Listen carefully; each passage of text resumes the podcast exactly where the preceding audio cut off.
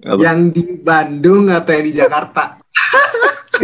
Nah, terus ini eh milih polban atau mercu? Hmm, aduh berat ini.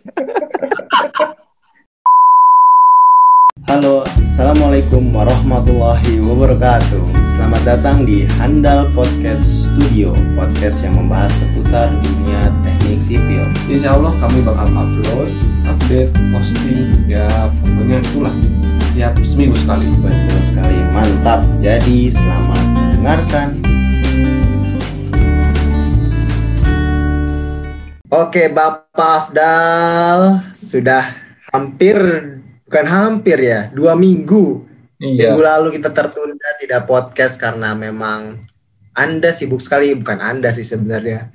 Narasumber yang kita ingin datangkan ya sebelum Sibuk yang sekali. ini itu sibuk banget, iya sibuk banget. Jadi Ya udah Ya, gitu lah ya. ya. Istirahat lah kita udahan dulu lah libur dulu podcastnya.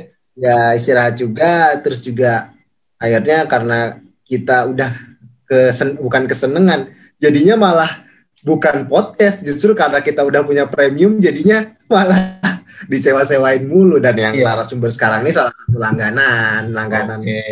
langganan Rapat ya. kita. Nah, ya jadi di luar itulah ini sedikit itu. Jadi karena tersentil oleh eh, Afdal kemarin, Afdal bilang kita nggak zoom zoom nih gara-gara bukan gara-gara kita malah senengan nyewain dia juga ya udahlah zoomin aja lah akhirnya tadi eh, orang buat konsep-konsep kasar lah bisa dibahas bareng nantinya buat Hmm. podcast lagi ya kan Iya. dan terpikirkanlah satu nama Wih. pikirkanlah satu nama soalnya orang ini nih narasumber sekarang nih itu ngontekin mulu dol kemarin-kemarin Apa katanya? iya jadi intens orang lah ya nanya gitu. tolong apa. hmm? Orang Apa? pengen dong jadi narasumber gitu nggak? kagak sih Oh, tapi kayaknya orang dulu itu gitu. lupa ya. pokoknya nggak gitu pokoknya ngontekin yang lain minta tolong lah orangnya juga diskusi ya cerita-cerita lah gitu. Akhirnya terpikirkan ya udahlah gitu kan. Ini soalnya tempat kerja dia sekarang nih narasumber yang sekarang tuh pertama di Indonesia dan ya ikonik lah ikonik sekali proyeknya. Jadi Ya. sayang banget kalau misalkan kita nggak ngebahas topik yang sekarang akan kita bawakan ini. Jujur orang nggak Ya, ngerti sebenarnya bah sama proyek yang itu tuh. Kenapa bentuknya kayak Iya. gitu gitu kan? Kenapa nggak lurus? Ntar kita tanya langsung aja. ya kan oke ya kenapa nggak lurus harus kayak gitu gitu ya Oh, emang ada apa Nah, sih? nama gitu kan? proyeknya mungkin bisa kita mention ya. Kalau teman-teman kepo, bisa langsung searching aja di Google Tapal Kuda Lenteng Agung atau Tapal Kuda Indonesia atau Flyover Tapal Kuda Indonesia. Itu pertama kali pertama ada di Indonesia dan Hmm. Kayaknya itu buat nggak tahu buat maneh orang struktur tuh baru nggak sih dol atau itu normal aja gitu. Mungkin kalau secara struktur kayaknya sama aja ya. Cuman yang beda geometrik mungkin. Kayaknya. Iya, geometrik sih. Ini tergantung per- peruntukannya sih sebenarnya. Nah, kita bisa langsung tanya aja lah daripada kita diskusi berdua doang nih. Yap. Narasumber kita malam ini adalah sahabat kita yang wah sudah luar biasa sekali dari dulu ya dulu dari zaman kampus sampai sekarang. Ya ini tanda sayang kita ya, tanda sayang kita merusuhi hidup kita lah ya. Tapi ya sebenarnya itu karena keakraban kita sama narasumber sekarang. Iya. Oke langsung saja. Yo Bel, monitor Bel. Assalamualaikum. Oi, Aduh, ini rindu nih. Adityo. Waalaikumsalam. Jadi narasumber kita sekarang adalah Adityo Bambang Wicaksono. Kalau misalkan di Polban sih nggak akan kenal namanya. Kalau dipanggil nama depannya kecuali sama dosen. Adit Adit akrabnya, namanya. Ya nama Biar Nama- gantengan dikit lah. BW ya lah. Tentang ya Beo. Ya. Aduh. BW. Jadi kita bisa sapa BW dan sekarang BW di mana Beo? Kerja Beo? Sekarang kerja di perusahaan kontraktor. Ya, Kontraktor. perusahaan kontraktor BUMN lah ya. Tuh. perusahaan Ya, BUMN di Indonesia yang ngurus Lenteng Agung ya searching aja lah apa itu ya kontraktornya aja lah nggak usah.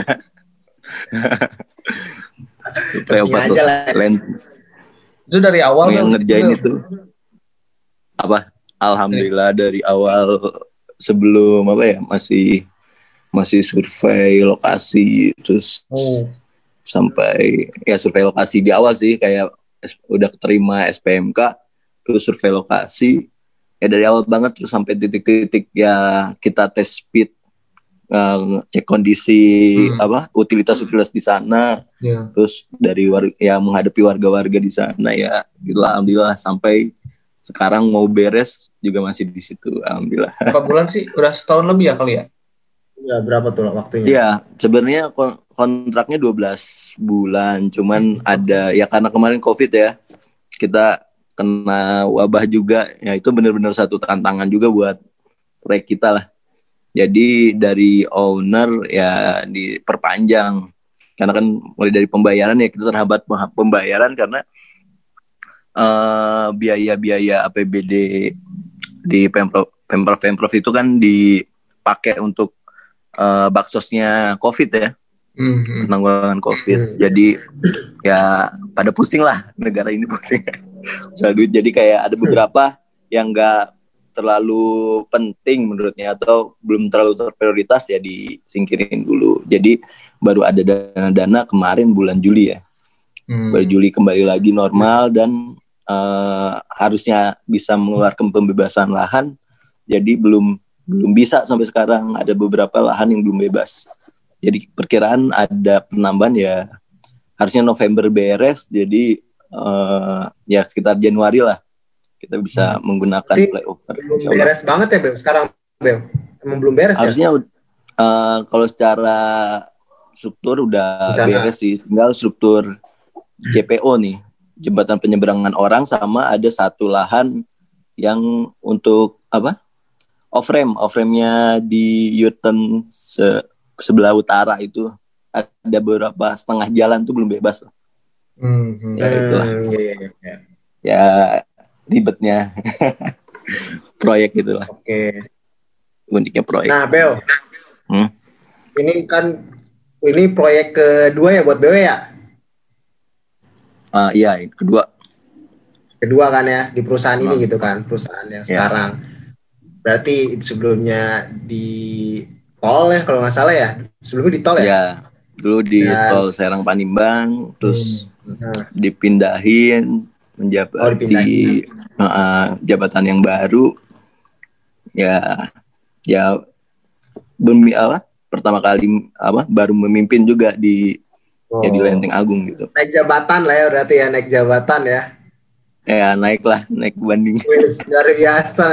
Jiwa kepemimpinannya memang sudah terlihat ya dari Aduh. sejak di kampus. Iya mungkin Oh. gimana ya?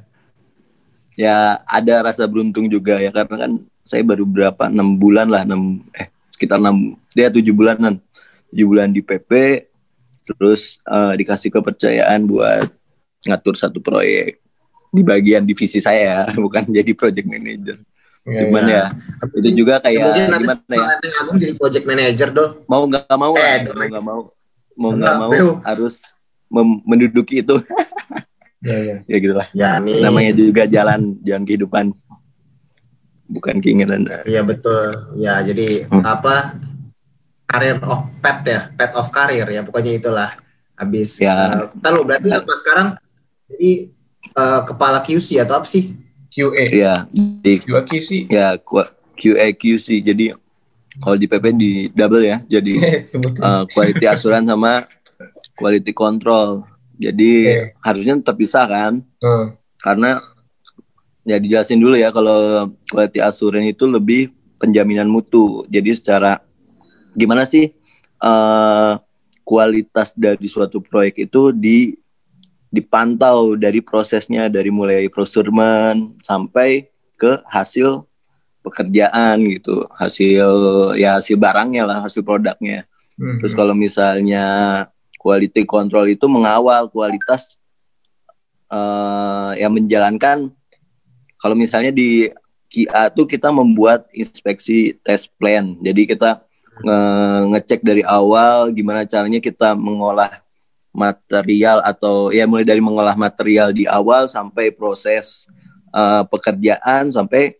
eh, pekerjaan hasil. Jadi benar-benar kita pantau secara prosesnya mungkin dari administrasi juga jadi kayak pengecekan mulai dari gambarnya apakah dari desain ini sesuai di lapangan enggak terus eh, dari sistem dokumentasi ya dokumen-dokumen jadi kalau gambar gambar ini terdi- terdistribusinya tuh benar-benar sesuai apa enggak. Karena kan kalau misalnya di gambar nih misalnya keluar nih dari engineer ada gambar gambar kerja. Eh tiba-tiba ada kesalahan eh dari perencana keluar gambar kerja. Terus tiba-tiba di apa persepsi ke eh soft drawing ya buat di Hmm. lapangan. Eh tahunya ada perbedaan udah. Nah, nah itu harus benar-benar dipantau dengan caranya kan ada mungkin nanti orang-orang yang ngerti masalah dokumen ada absolut ada kontrol copy ada ya uncontrol copy yaitu yang benar-benar kita ya saya sendiri mengawal gimana caranya menjalankan ISO 9001 2015 tentang sistem manajemen mutu itu Mantap. udah canggih sekarang Canggih, canggih. jadi nggak kalau misalnya dipikir-pikir QC itu ngurusin material kayak Ya. gitu enggak sebenarnya lebih ke manajemen sistem sih manajemen sistem manajemen itu sih Ya biar biar tetap berkualitas lah ya. ya intinya berkualitas semua dari awal Oh, Tapi Beo, tapi tadi istilah eh sorry dulu jadi motong dulu nih. Nanti lamanya ya biar puasnya nanti nanya yang lenteng tadi kan mana kepo. lenteng, Tapi ini lenteng, eh, lenteng. Apa tuh? Lenteng, Apa? lenteng, lenteng. Lenteng, lenteng, lenteng. lenteng Jadi itu dulu kan apa sih tadi mau nanya apa ya kan? Oh iya, Beo, itu berarti itu istilah ISO ISO tuh di kampus gak ada kan ya diajarin di sih? Apa kurang lupa ya? ya sebenarnya nggak ada diajarin. Jadi eh, saya juga baru belajar ketika masuk PP ya masuk PP terus eh, saya baru masuk PP saya harus kena audit gitu ya. Saya harus belajar tentang tentang sistemnya. Ternyata kalau di kampus belajar sih belajar. Belajar tuh kayak bukan hanya di kuliah ya. Jadi kan nanti ada manajemen konstruksi tuh. Manajemen konstruksi itu ada sebenarnya ada sistem manajemen kualitasnya kan. Ya sama sih plan do check. Terus kita act juga kan. Jadi eh, di sana kalau saya sih saya sendiri berpikir itu dapat itu dari organisasi. Jadi gimana caranya eh, kayak kayak mana eh, aduh jadi ngomongnya agak ini Eh, kayak Ah, kamu nih oke.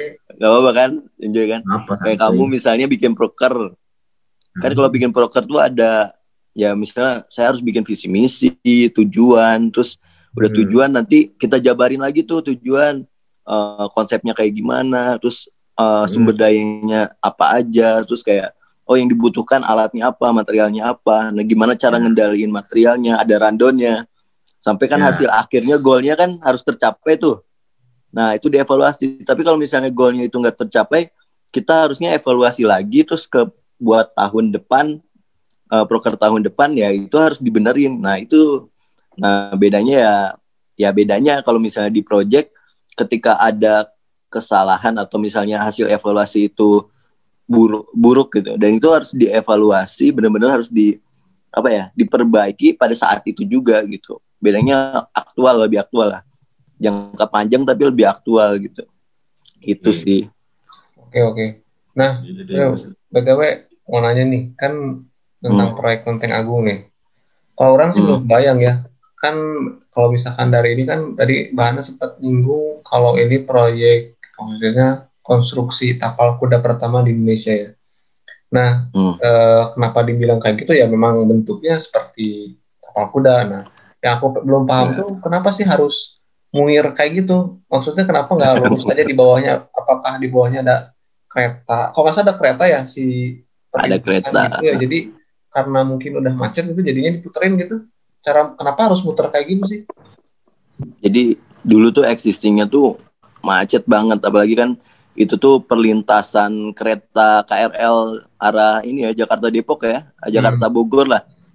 Wah. Bogor jadi bener-bener padat banget sampai kayaknya tiap lima menit ada tuh, tiap lima menit itu ada kereta. Bahkan eh, waktu kosongnya ya paling satu menit. Ya. Kalau dulu pasti padat-padatnya belum sebelum covid ya, itu ada yang eh, cuman per dua menit ada gitu. Kereta tuh lewat terus. Jadi eh, kereta lewat yang arah ke Bogor, Nah, udah beres, tiba-tiba satu menit baru lewat situ orang-orang baru nyebrang eh ada kereta lagi nutup lagi gitu. nah itu. Terus dan banyak kecelakaan terjadi gitu. Kecelakaan yang mungkin eh, tiap bulan tuh ada kecelakaan. Bahkan makanya eh, warga juga sangat menantikan proyek ini karena kan eh, buat keselamatan mereka. Karena tiap tahun tuh eh tiap bulan malah ada yang ketabrak ke- kereta. Sering kecelakaan lah. Nah, Terus, oke. Eh, Eh, si volume kendaraan itu lebih banyak eh, bukan lurus malah. Jadi buat muter balik. Oh. nah itu makanya dibuat lebih apa, lebih dominan. Ya karena ada ada, perat- ada peraturan ya. Saya lupa peraturan undang-undang nomor berapa ya.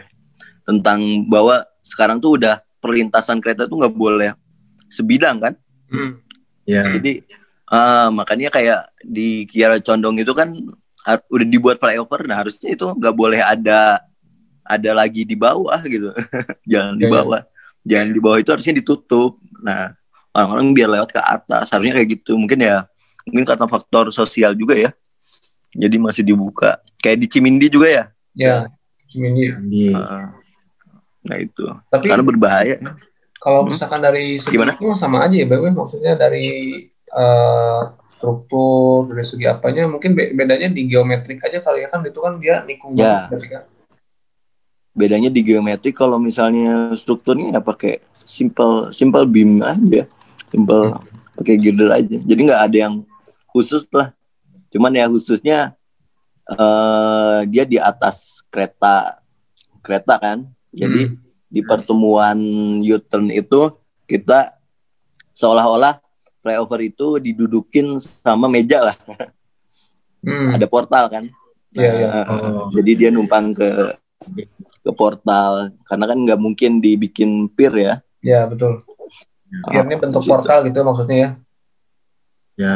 Ya. Portal apa sih portal? Portal portal sederhananya Afdal deh ya. Atau ke BW deh. Portal sederhananya. Abdal Iya, Abdal kan? nih anak jembatan Ya itu maksudnya kan karena eh, tadi kata BW itu posisinya karena tadi itu eh, ngelintasin kereta, jadi ngel- ngelintasin rel kereta, jadi katanya tidak memungkinkan kalau misalkan pakai pier yang tunggal ya, BW gitu ya. Jadi Ya. dibuatlah pakai Ya, ada yang portal atau double gitu kan. Hmm, Hmm. Oke oke portal tuh gitu double pier lah piernya ada dua ya terus ada tatakannya lah ya sederhananya gitu kalau yang awam mah Itu berapa lajur sih? Iya. Itu cuma satu lajur sih, satu. buat satu lajur aja. Oke. Itu ada kriteria kendaraan yang boleh naik gak misalkan berapa ton maksimal gitu Nah, truk boleh naik gak tuh? Kayaknya enggak. Oh iya, kalau nggak salah paling 10 ton maksimal itu 10 ton kalau saya. Tapi saya lupa lagi, pokoknya kendaraan tronton bis besar itu nggak boleh nggak boleh lewat. Oh. Jadi cuma hanya ken- kendaraan tipe berapa ya berarti? Yang sampai truk truk biasa sih. 5A kemarin. Nah, lupa saya kendaraan ini. Itu yang berat-berat semua tuh tapi emang karena volume di situ juga nggak ada kan sampai yang truk sampai tiga ya apa Iya, makanya nggak ada. Emang karena di situ jalannya jalan kalau Kecil. jalan provinsi kan, jalan provinsi. Jadi nggak nggak kendaraan-kendaraan besar nggak bisa lewat situ sebenarnya. ya. Nah, dan itu sih. banyaknya itu banyaknya motor lah ya sama mobil kali ya Iya mobil banyak banget. Itu kan orang-orang yang dari arah TB Simatupang tuh, arah Pasar Rebo kayak gitu, udah keluar dari tol, mereka tuh mau mau muter ke arah Jakarta ya lewat situ dulu. Ya beberapa ya Oh. banyaknya. Iya Nah, sih. lewat situ dulu. Nah, itu sih keluar tol dia dari pasar minggu, pasar minggu ya dia belok ke kiri ya banyaknya kan muter nah makanya kan banyaknya dulu macet parah di sana waktu saya ke pusat ya Hmm. Nah, ke pusat itu waktu saya masih di Serang Panibang itu paling macet di daerah situ. Wah itu bisa berjam-jam lah. Karena ada kereta itu. Ya ya satu tahun di situ. Terus nah terus ini kan ini tuh ikonik kan ya. Nanti nyambung lagi ya sama Afdal. Ikonik pertama gitu ya di Indonesia. Emang di luar udah pernah deh eh, Bel juga. Udah pernah kalau di luar tuh udah pernah di di Thailand di Thailand lah kalau di ASEAN di Thailand tuh udah pernah udah ada cuman nggak se ya bentuknya nggak se ikonik kita lah seestetik Kalau di luar kan cuma satu tapal kuda aja. ya, oh gitu Uh, kalau misal kita kan tapal kudanya dua tuh Iya. nempel. Iya. Nah itu yang yang mungkin apa yang terbaru lah di di Jakarta ya. Kalau Pak Anies bilangnya kemarin di Jakarta pertama, ya, iya tapi dia cek lagi ternyata benar-benar di Indonesia nggak ada lagi. Ya udah Oh, iya. dibuat. ya jadi ngeklaim juga. Ya emang bener sih ya. Uh, ya mungkin ya itu satu kebanggaan juga. Itu dulu daerah Lenteng Agung menurut saya ya. Ah, ya mungkin perbatasan Depok ya jadi nggak nggak terlalu apa ya ya biasalah. Kalau misalnya perbatasan antar perbatasan kota kan agak agak kumuh ya Hmm. ya. Agak kumuh. Tapi semenjak ada ya banyak banyak kriminalitas gitu. Dulu banyak begal banyak ya jamret lah di daerah sana. Tapi semenjak ada flyover ya jadi terkenal kan? Pak Anies juga kadang sering sering sidak tuh. Kemarin juga baru sidak. Tiba-tiba datang di bawah ngelihat-ngelihat jadi orang-orang juga karena jadi kelihatan ikonik terkenal ya warga-warga di sana juga mungkin ekonominya juga meningkat. Karena banyak banyak yang ke sana juga banyak yang main ke sana iseng-iseng. Iya iya. Hmm. ya banyak yang jualan kanan kiri lah. Nah itu nah terus jadi eh, Beo? Hmm? eh, sok lanjut lagi dikira udah beres. Sok sok lanjut lagi dikira udah beres. Apa? ya intinya eh saya sana tuh ngebangun jembatan itu walaupun saya orang bukan orang Jakarta ya. Tapi saya Hmm. bangga karena warganya bangga gitu jadi kan Wis. banyak kan pembangunan yang warganya tuh demo warganya itu ini mah warganya itu sangat bangga gitu dibuat flyover itu apalagi wih flyover langit agung mereka dengan gimana ya dengan bangga tuh nge-repost repost foto-foto kita gitu terus diucapin apa semangat kalau enggak kadang beberapa ada yang ngasih makan gitu Nah. wow Suguhin. Tadi mau nanya. Tadi mau nanya. Ya. Berarti sampai suguhin makanan juga ya. Kalau seneng kan biasanya orang Indonesia gitu kan. Iya, sampai ngasih makanan. Terus ya nggak terlalu ribet sih. Bahkan ada ormas-ormas pun cuma di awal sih, di awal ada beberapa yang yang mungkin nyari kesempatan ya. ada proyek Hmm. cuman lama kelamaan karena mereka ngerasa wah jadi jadi bagus lah intinya kawasan itu jadi rapi, jadi bagus terus ada ikonik juga jadi terkenal kan. Se Hmm. Jakarta Raya lah.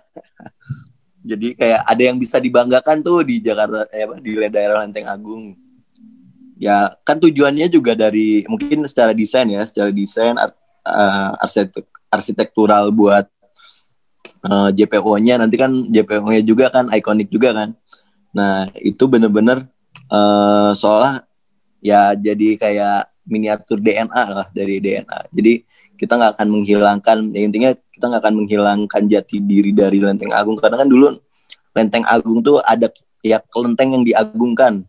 Hmm, Ya dulu di gitu. situ emang daerah daerah orang-orang Cina, jana orang Cina yang eh karena orang Cina dulu kalau nggak salah nggak boleh ke saya lupa nggak boleh ke ke Depok nggak boleh atau ke Jakarta ya. Jadi dia eh oh ya ke daerah Bogor lah Depok sama Bogor. Jadi dia kalau jualan berhentinya di ada makanya ada nama Pondok Cina di Depok itu. Nah berhenti Hmm. di pondok Oh di iya, sana. iya, iya, Jadi benar. itu lalu lintas Lenteng Agung itu benar-benar lalu, lalu lintas orang-orang Cina yang berjualan. Hmm, Itu sih. sejarahnya gitu. Wah, saya jadi orang sejarah. iya benar juga sih jadi tahu Oh, ya sih ya. jadi karena ngelakuin proyek di situ jadinya apa? Tahu lah ya setelah beluknya terus Beo nih mumpung inget nanti suka lupa soalnya maka tadi jadi pengen motong sorry. Panjangnya berapa Beo? Sekilo. Muter gitu ada sekilo. Panjangnya total satu flyover. Kan tuh ada dua tuh ada dua tapal kan. ya. Satu Ya. tapal itu 450-an lah, 400 Hmm. meter lah. Jadi dua dua-duanya kira-kira satu kiloan lah, kilo. Satu kilo. nah terus kenapa nggak dibuat underpass Underpass soalnya kalau kayak gitu tuh utilitas di Jakarta ya. Permasalahan Hmm. di Jakarta tuh utilitas, utilitas yang sangat banyak.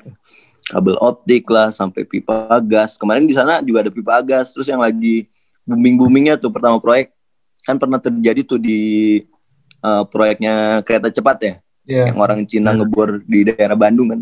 Hmm. Nah itu Ya. meledak, kita sampai benar-benar ketakutan karena di sana ada ya saluran pipa, pipa gas juga. Jadi eh, tekanan tinggi, terus ternyata pas banget. Ada beberapa di desain itu kan harusnya bornya di titik situ. Tapi akhirnya karena kita pas ngecek wah ada di titik situ kita geser gitu. Kita geser review desain lagi.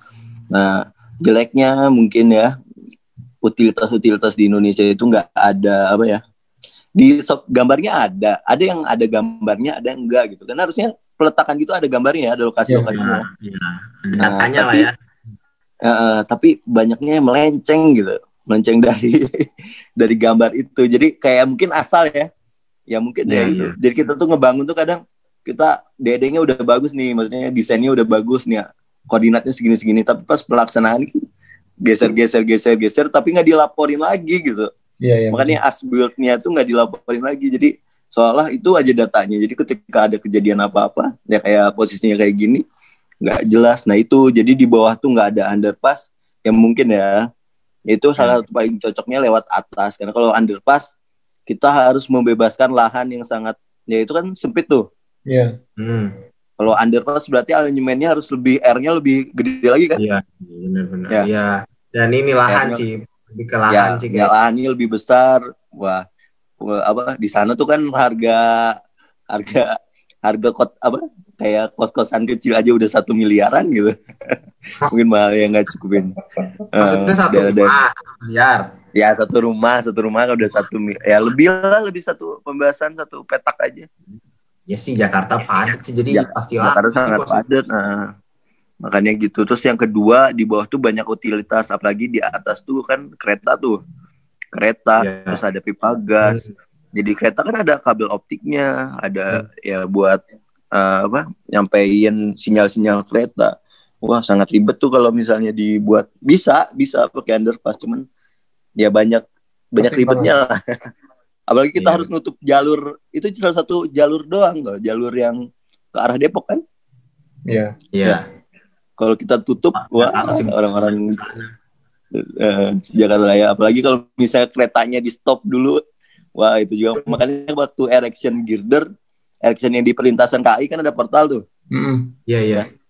kalau nggak kebayang ya di situ tuh kita ngegunain tuh pas window time waktu-waktu kereta udah nggak ada itu cuma kita dikasih waktu dua jam harus kita Oh. ngangkat girder ke atas Erectionnya gimana? Cuma. Pakai LG yang di atasnya? Mobile. Gimana? Oh, mobil biasa. pakai mobile keren tapi sis- sistemnya estafet jadi eh diangkat dulu nih pakai Hmm. mobile keren yang satu terus nanti di estafet ke seberangnya kan ada keren lagi Ya, ya. di Ya, ya, paham, estafet didudukin di estafet baru digeser-geser tuh sampai di ujung Ya, baru betul. paling ujung digeser lagi geser-geser lagi gitu Padahal sistemnya estafet ininya pun nggak dan kita terlalu cuma waktu dua jam ya. buat estafet sama naikin buat Oke. erection Iya, iya. Nah itu yang tantangan paling besar. Itu kalau misalnya kita nyetop kereta, so maksudnya kereta lalu lintas padat gitu kita stop. Ngamuk lah. Udah mungkin demo sejauh tabek. apa namanya waktu itu aja ada apa Pak Wapres Pak Yai lewat aja kan terus KRL macet sebentar tertunda sebentar wah protes ya iyalah kan KRL kan empat waktu kan jadi wajar sih Ya, karena emang ratusan orang, ribuan orang malah ya. Oh, iya, Iya, padat BTW nih, kan Ya. sekarang lagi ini juga nih, lagi nyusun skripsi tuh. Berarti kan lagi Hmm. nerusin S1 ya? Ya, ya satu. Nah, itu gimana tuh bagi waktunya tuh? Waduh, kalau bagi waktu ya, tiap orang punya. Ya intinya ya, saya kan eh ya pas banget gitu skripsi itu pas lagi sibuk-sibuknya banget ya, sibuk-sibuknya banyak kerjaan juga. Terus eh harus ya apalagi kalau misalnya kalau masih di kantor ya masih bisa ngulangin waktu lah. Tapi kan kalau saya kan double tuh harus inspeksi ke lapangan juga bahkan harus ngecek ke pabrik-pabrik keluar kota, dinas keluar kota, keluar kota. Nah, yang diutamain ya itu gimana caranya kita tuh ya apalagi sambil kuliah juga kan Iya. bisa ngebagi ngeprioritasin waktu aja. Jadi kita kalau saya bukan orang yang bikin detail ini hari ini harus ngapain harus ngapain harus ngapain. Hmm. Tapi saya punya dead, deadline-nya tuh kayak misalnya nih skripsi deadline-nya tanggal 5 November misalnya. Harus kita ngajuin proposal atau nih kerjaan harus beres akhir bulan tanggal 28. ya udah yang dikejar target itu. Jadi gimana caranya kita bisa jalanin eh, beberapa kerjaan itu misalnya ini saya masih bisa ngerjain administrasi kantor ya, saya kerjain administrasi kantor. Ini ketika saya eh, waktu luang tuh udah mungkin udah maghrib, udah maghrib sambil istirahat, saya eh, ngerjain skripsi, terus eh, saya lanjut lagi kerjaan. Nah, itu jadi walaupun ya intinya gitulah. Kalau kita punya banyak kerjaan atau banyak banyak prioritas ya, maksudnya banyak list kerjaan lah. Itu Ya. kita tuh jangan jangan ngerasa beban gitu.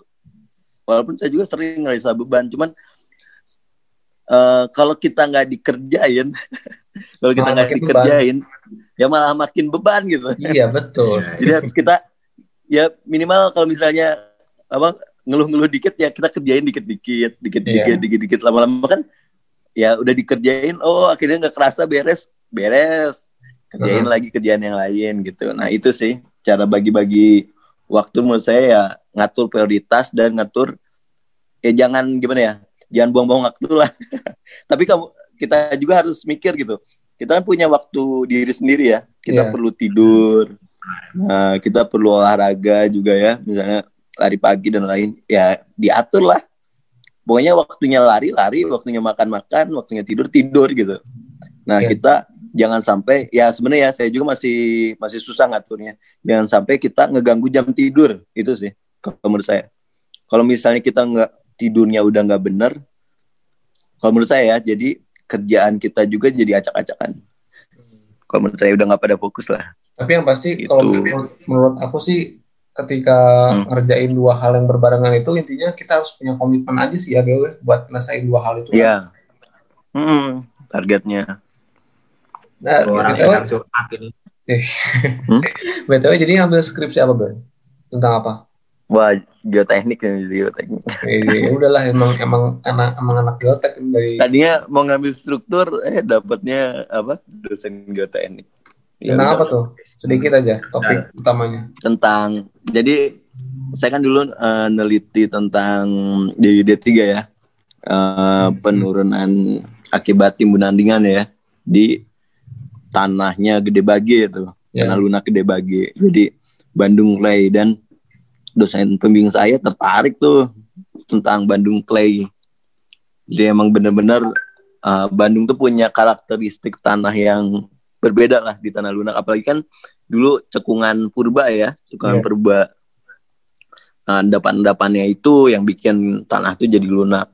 Nah ini jadi apalagi eh, Bandung itu jadi kawasan komoditas utama ya, komoditas utama di perkantoran dan perda- perdagangan nanti arahnya. gitu. Jadi bakal ada banyak pembangunan. Sekarang juga kan banyak ngebangun flyover ya. Ya, Eh, Nah, oleh karena itu, karena udah mulai pembangunannya lebih banyak, jadi kita juga perlu eh, memikirkan tuh gimana caranya eh, kita bisa merencanakan eh, mempercepat konsolidasi dari tanah Bandung Clay ini. Soalnya kalau ada beberapa peneliti yang udah ya, jadi Bandung Clay itu rata-rata 100 tahun tuh baru dia terkonsolidasinya sempurna ratusan tahun 120-an lah. Nah, makanya perlu benar-benar kita apa ya, rekayasa engineering. Apalagi kan saya orang Bandung nih, Mm-mm. harus bikin bikin sesuatu lah buat Bandung. Bermanfaat Iya, buat Bandung. Nah, itu. Bandung juara. Ngerti kan? ya ya paham paham. Eh, Oke Cimahi berarti. oke Beo kita kita mau ini dulu Beo. Mau apa bah? Mau rapid test dulu. Question. Oh rapid question. aduh, ini rapid rapid test ini. Ada rapid question nih. lihat dulu. Ntar eh, aku nyebutin dua eh, gimana mah? nyebutin dua ini, ini atau ini, mana yang jawab cepat aja sama alasannya gitu. Oke. Ya, sama alasannya lah kenapa singkat aja. Oke, Waduh, oke. Susah-susah pertanyaan nih. pertama ya, ini kayak ujian. konsultan atau kontraktor? Eh cepet deh. Konsultannya apa dulu? Ini konsultannya apa dulu? Konsultan tuh ada dua tuh. Oke, tuh Rencana, rencana deh, rencana. Oke, Karena di luar lapangan. Apa? Konsultan perencana Konsultan misalkan. atau konsul Kontraktor. atau kontraktor, Hmm. konsultan perencana. Kenapa tuh? Nah tuh. Karena eh kalau saya lebih ya nggak tahu ya ini belak-belakan saya aja ya. Ya. Lebih Oke. bersih di konsultan perencana udah. Oke, udah ngerti lah ya sampai situ. Oke, gantian dong, Eh. orang dong. Proyek yang sekarang atau yang kemarin? Sekarang ya. Sebenarnya Karena- lebih menantang lah, lebih menantang sama eh, banyak ilmu baru lah yang didapatkan tentang struktur ya. Ilmu baru struktur ya dan emang dari Terus awal banget ya kemarin. kepemimpinannya juga saya belajar banyak kepemimpinan di proyek ini. Oke. Dan paling muda ya, Bel. Paling muda ya kalau nggak salah. Apa maksudnya kepala paling muda lah. Iya sih. Sementara paling muda Emang udah- tua sudah. Nah, terus ini eh milih polban atau mercu? Hmm, aduh berat ini. Ayo, Saya ya, pilih. polban lah, polban, polban. Oh, kenapa tuh? Hah? Kenapa? Karena Karena tiga tahun Saya di sana, dapat- angkatan saya di sana. apa? saya dapat ilmu banyak di polban. Jadi bukan hanya eh, ilmu tentang ya tentang teknik sipilan, oke lah. Tentang keprofesian apalagi jelas. Terus tentang organisasi dapat juga di situ. Terus kalau di sama ya ilmu-ilmu kehidupan juga dapat di polban kan. Iya, Oke, oke. oke. Ilmu Kehidupan Eh, dan kalau di ya kalau di mercu kan ke keprofesiannya nggak kurang lebih ke teori Hmm. terus ya saya kan kelas karyawan belum nggak bisa aktif aktif mahasiswa nih Udah nggak bisa Heeh. Iya, bedanya cuma itu sih doang ya. Hmm. Lanjut, Bang. lagi Ben. Nih, mana lagi lah, mana lagi? Oke. Hmm. Ini apa nih? S2 dulu, nikah dulu katanya, Beb. Tuh. aduh berat ini S2 dulu lah Wow, oke, Wih. aku pegang ya. Lanjut. sekarang S2 dulu ya karena kalau misal alasannya eh kalau nikah itu ya gimana takdirnya lah. Saya ketemu jodohnya kapan bener nggak? Harus tetap dicari. saya punya cerita S2 dulu. Eh, karena kan arahnya saya juga untuk mengejar ya saya kan pengennya goalnya jadi dosen lah. Ya udah S2 jadi Kalah dosen kalau nggak aku jadi pengalaman sama BUMN ntar kalau sama-sama peneliti jadi lah. Dosen. Kalah nanti aku sama BUMN kalau misalkan sama-sama jadi dosen. enggak lah kita kan CS nanti Saingan jadi direktur. Oke, ini pertanyaan yang nyambung sama yang di atas. Ini harus lihat ekspresi orang. Apa? Yang di Bandung atau yang di Jakarta? Ya apa sih? Orang nggak ngerti loh, Bang. apa ini ini nggak nggak ngerti nih Ah, gak usah itu lah. Ini sekilas aja. Gak usah nanya alasan sih orang lah. Yang di Bandung atau yang di Jakarta? Astagfirullahaladzim ini ambigu ini. Aduh. Yang di Bandung maksudnya ini katanya konsonan tuh ke orang atau ke Ya ke orang, ke orang, ke orang. Yang di buka, Oh. ya itu ya Bandung sih Saya masuknya sih- Bandung ya walaupun di di ujung eh Bandung bukan ya? Nagrek Bandung kan sih? Nggak jadi Oh, Nagrek, pokoknya itulah. Enggak, sekarang di, kalau sekarang di Jakarta dulu lah. Karena kan di Hmm. Jakarta orang-orang di sana kan lebih ya kan di sana kan effortnya lebih Sering. tinggi lah. Oke. Pendek sih sebenarnya tapi karena kemarin kan wah di BMW di ini Ya, seru itu tuh maksudnya Tadi mau di milih, Jakarta tuh milih Bandung cuman pikir-pikir takut Apa? viral. itu yang yang yang eh, di Jakarta tuh maksudnya yang waktu itu bahan eh bahan yang yang BW pernah ngepost di Twitter kayak aku kan pernah lihat ya yang Apa sih ini? tampilan maps teh atau apa sih nggak Kan orang teman-teman maksudnya foto apa sama teman-teman di foto apa gitu Bandung itu bukan Aing nggak tahu loh, dulu orang nggak tahu loh. Maksudnya kalau teman-teman di Bandung kan nggak ada, udah pada nggak ada, jadi di Bandung tuh udah sepi. oke Saya makanya saya pilih Jakarta gitu, maksudnya gitu, dal. Hmm, ya itulah udah do, udah terjawab. Oh, itu. Udah, udah. Eh, bah yang Malmingan kata BWT Malmingan statusnya teh Oh, ada ada fotonya itu teh yang itu bukan sih nanti orang mau lihat ah, kepo. Oke. Udah lah skip tapi udah ya, tapi udah ya, udah, udah kepo. Searching aja Twitternya BW untuk para pendengar yang kepo. Nah, sekarang nyambung nih ya pertanyaan-pertanyaan akhir kan udah ke arah sana. Tapi ini lebih Nah. general sih ke arah situ. Cita-cita Apa? Beo ke depan gimana Beo? Tadi kamu jadi dosen, ada lagi cita-cita lain. Sebenarnya cita-cita saya itu sama dari SD ya, dari TK, SD, SMP, SMA. Ya, saya jadi presiden. Waduh. Ya, saya cita-cita dulu kan namanya cita-cita. Ya, nggak apa bener bener bener. Presidennya nggak tahu kan presiden direktur, presiden apa. Oh, kan. Yang penting jadi presiden gitu. Lenteng Agung. jabatannya presiden lah ya. presiden direktur bisa kan. Tapi kalau jadi dosen terus nanti jadi di Polban misalkan, ya nggak Ya. bisa presiden kecuali punya perusahaan sendiri kali paling ya.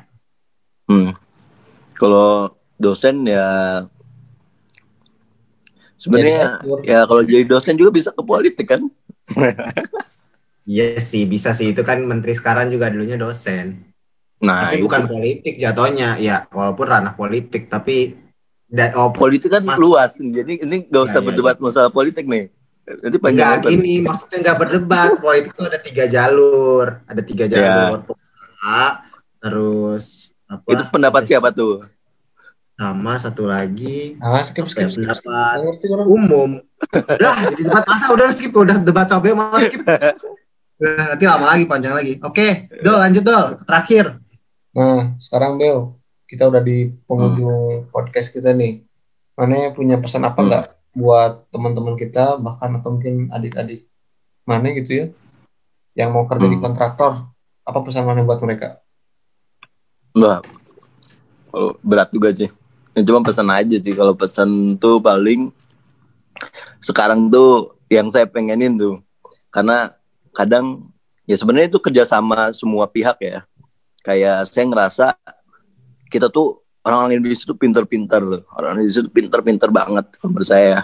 Dan mereka tuh sebenarnya kalau lebih karena kita banyak permasalahan itu tuh sebenarnya potensi gitu bagi kita gitu dari tanah lunak terus curah apa kondisi cuacanya kondisi lingkungan dan lain-lain.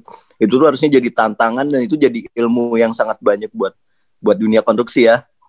Tapi kenyataannya ada beberapa yang wah eh, dengan pesimisnya kayak warga-warga di sini wah jalan ini kayaknya tiap lebaran tuh rusak nih. Lebaran tiapnya rusak terus wah ini baru dibangun tapi udah ada retak-retak nah, kayak gitu kan.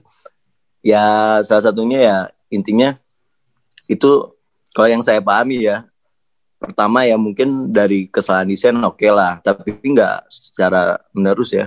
Jadi kebanyakan kita tuh terlalu ya pertama ada efisiensi alasan efisiensi dan lain bahkan digunain dana itu nggak digunain yang dengan benar lah intinya. Jadi banyak yang nggak jujur harusnya materialnya A didatanginnya B. Terus eh, dengan iming-iming masalah duit ya kalau menurut saya nanti kalau udah ma- eh, sebelum masuk kontraktor didalemin dulu lah integritas masing-masing.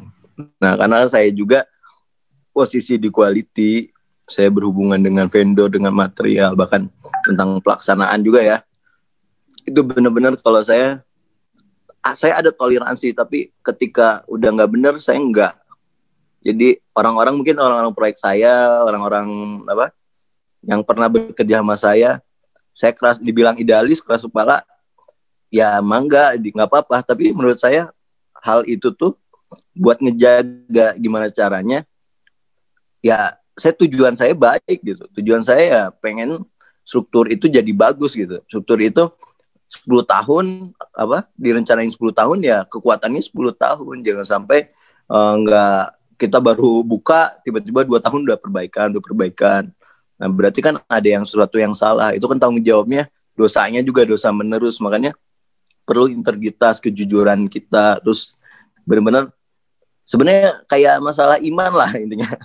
Jadi kayak jati diri kita tuh benar-benar Ah, Eh, aduh ini aduh jadi berat juga. Jadi kalau kalau gini lah intinya. Sekali udah jujur ya ke depannya bakal jujur jujur terus ya, walaupun kita ngebohong tapi kita patokannya pasti ngerasa berdosa gitu ketika bohong wah kita udah biasa jujur ngebohong sekali tuh ngerasa berdosa banget akhirnya kita balik lagi ke jujur gitu tapi kalau udah awalnya ngebohong awalnya udah nipu-nipu, ke depannya bakal nipu terus gitu. Walaupun nanti ada ya ada hidayah jujur, tapi ke depannya nipu terus. Dan itu tuh ya menguntungkan bagi diri sendiri, tapi kan kita berpikir jangka ke depan lah.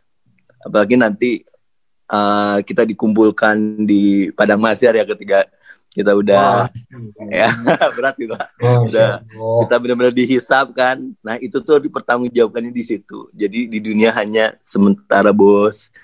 Ya itu sih intinya. Karena nice. ya saya gini ya saya juga nggak bisa ngecap bahwa kontraktor itu selalu buruk ya selalu nggak jujur ya. Yang salah selalu nggak jujur tapi eh pasti ada pasti ada dan banyak banget sih. Kalau menurut saya sekarang banyak banget bahkan di owner di konsultan pun ada. Jadi eh ya intinya harus menjaga itulah mendalami itu aja sih. Integritas ya. sama ah, integritas mulai dari itulah. Kalau masalah kemampuan masing-masing ya kemampuan intelektual ya yang penting gak pernah maba lah. Gak pernah maba jadi nggak dengerin sama kata-kata dosen. Itu aja sih. Karena ilmunya teori kita harus implementasiin terus kalau ilmunya tentang tentang apa? Tentang organisasi juga kita harus implementasiin jadi kayak dua hal yang benar-benar uh, kita harus bisa mengorganisasi tapi kita juga bisa mempertanggungjawabkan secara ilmu ke teknik sipilan kita. Jadi berdasar lah.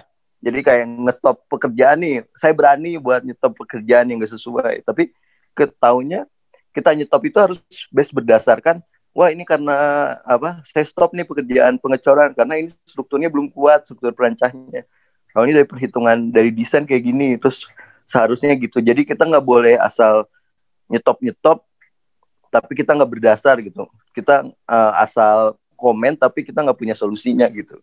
Nah kalau orang teknik orang sipil harusnya kita negur kita mem- uh, kita tahu itu salah ya langsung diperbaiki gitu. Berdasarkan data teknik. Luar jadi nggak berdasarkan kata-kata. Itu sih ya paling itu aja sih apalagi. Oke. Ya, Bah, banyak. gimana, Bah? Kayaknya udah lumayan nih obrolan kita ya. Lumayan Kita udah hampir 40, hampir 50 weh. Tapi emang gak 50 kerasa. Iya, Iya, gak kerasa ya. Iya, rencananya Anggap 30 lah menit.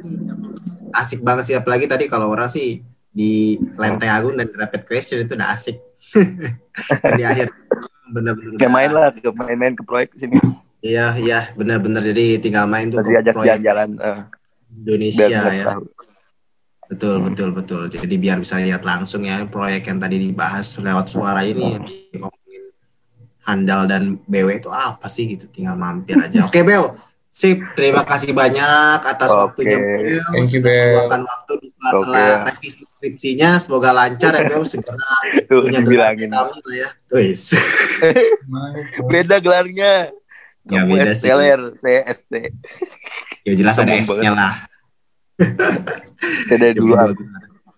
Mhm. Gitu. Oke, siap. Oke, Bapak Afdal, terima kasih juga sudah kita sudah podcastan lagi nih, sudah bertemu lagi. Dan juga untuk para pendengar, terima kasih banyak karena sudah setia mendengarkan Handal Podcast Studio. Dan jangan lupa untuk menyebarkan ini jika bermanfaat dan semoga terus bermanfaat ya, Idol. Kita sharing-sharing kayak Ya. gini. yang nggak benar-benar jangan didengar ya, Dan barangkali kalau ada yang butuh Zoom premium, kita handle ya nih pakai pakai handal studio nih saya juga kita handle Promosin lah. podcast eh, menyediakan rental Zoom buat teman-teman 5000 per jam aja minimal 2 jam. Ya, betul betul betul. Ya, Bapak Afdal seperti itulah. Oke, seperti itu saja. Terima kasih. Sampai jumpa di podcast selanjutnya. Assalamualaikum warahmatullahi wabarakatuh.